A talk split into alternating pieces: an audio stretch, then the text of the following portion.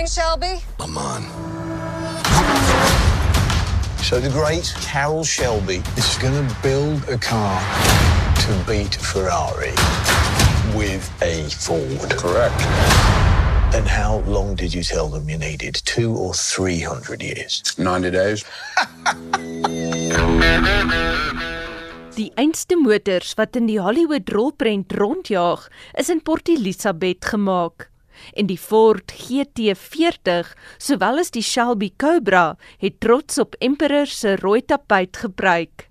Terloops, die teater waar die rolprent vertoon is, is een van slegs 3 in die land wat 'n laserprojektor het.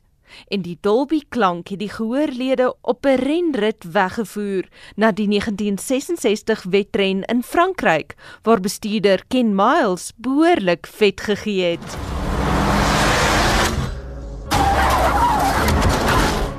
I will put you in the driver's seat at Le Mans. You just shut your mouth and let me do my thing. Die akteur Matt Damon vertolk die Amerikaanse motorontwerper Carroll Shelby wat Henry Ford II se droom moes verwesenlik om stof in die oë van Enzo Ferrari se span te skop. And that's it, folks. Ferrari wins the 24 Hours of Le Mans for the fifth consecutive year. Mr. Ford, Ferrari has a message for you, sir. What did he say? You said Ford makes ugly little cars in ugly factories. And, uh, he called you fat, sir. We're going to bury Ferrari at Le Mans.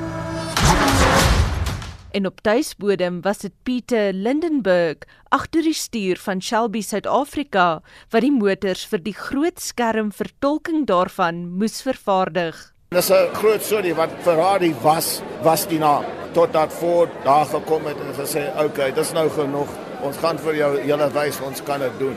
En ja, dis die hele storie agter die storie van Ford versus Ferrari en dis eintlik die storie van Carroll Shelby, hoe hy 'n span bymekaar gekry het onder groot druk Ferrari 'n pak gegee.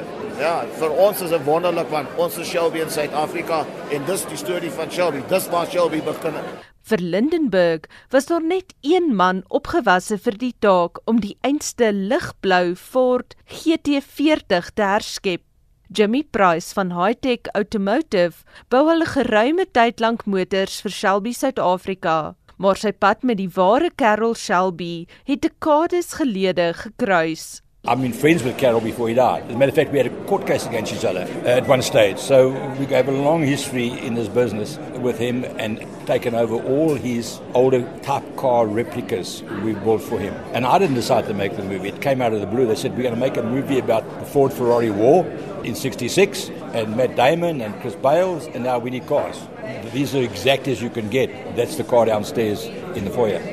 Maar wanneer het die gogga prys gebyt? om motors van die wiele, oftewel die staanspoor af op te bou. About 30 years ago, I started a little factory in Port Elizabeth to build Cobra replica. And we were lucky, found a little niche in the marketplace for completely assembled cars, not a kit car, but a completely assembled car built to the original specification in great detail and with licenses from all the people that originally created those cars. It was kind of like a hobby that went wrong.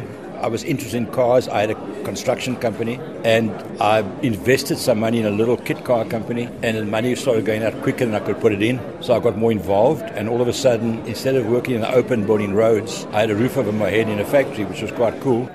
Price beskryf sy maatskappy as 'n klein visie in die motorbedryf.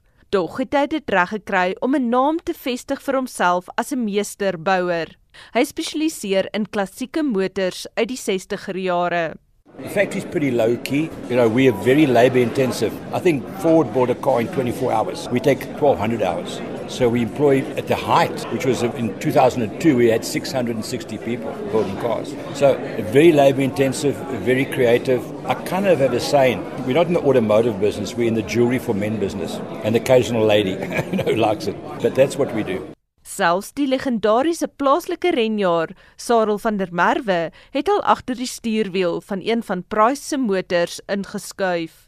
Now, Van, Van, we also go a long way. I built a West Bank modified. It was the series about 18 years ago, big V8s, and it was very popular West Bank modified racing. And I bought a couple of cars. I had him as a driver and George Fisher as a driver. You know, his van's so well known in South Africa, super van. But people don't know how successful he was and admired he was in America and in Europe. If you go to a little town called Mooresville, and Sorrel raced in an IMSA GTP series 1, and you walk in the museum, their museum, and there's this car, racing car, with all the track records. Every name there is Sorrel from the Merwe.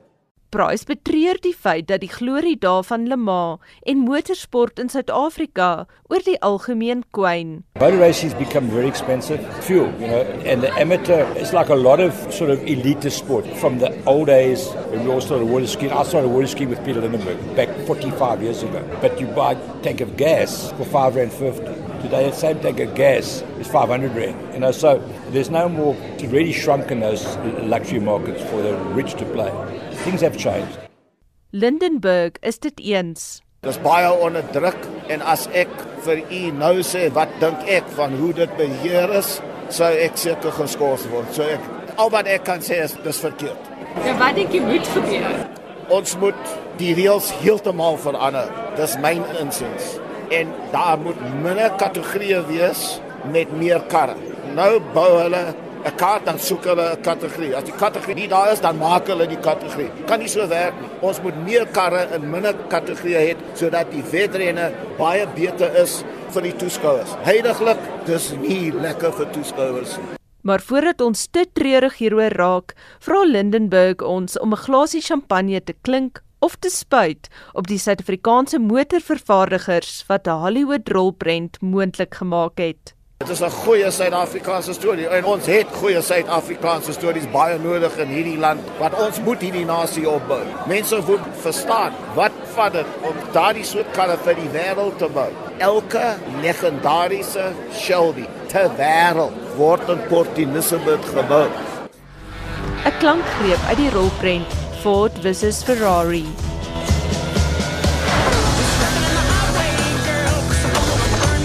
It's awful. That's more like it. Well, sir, we're lighter, we're faster. When that don't work, we're nastier. Go ahead, Cal. Go to war.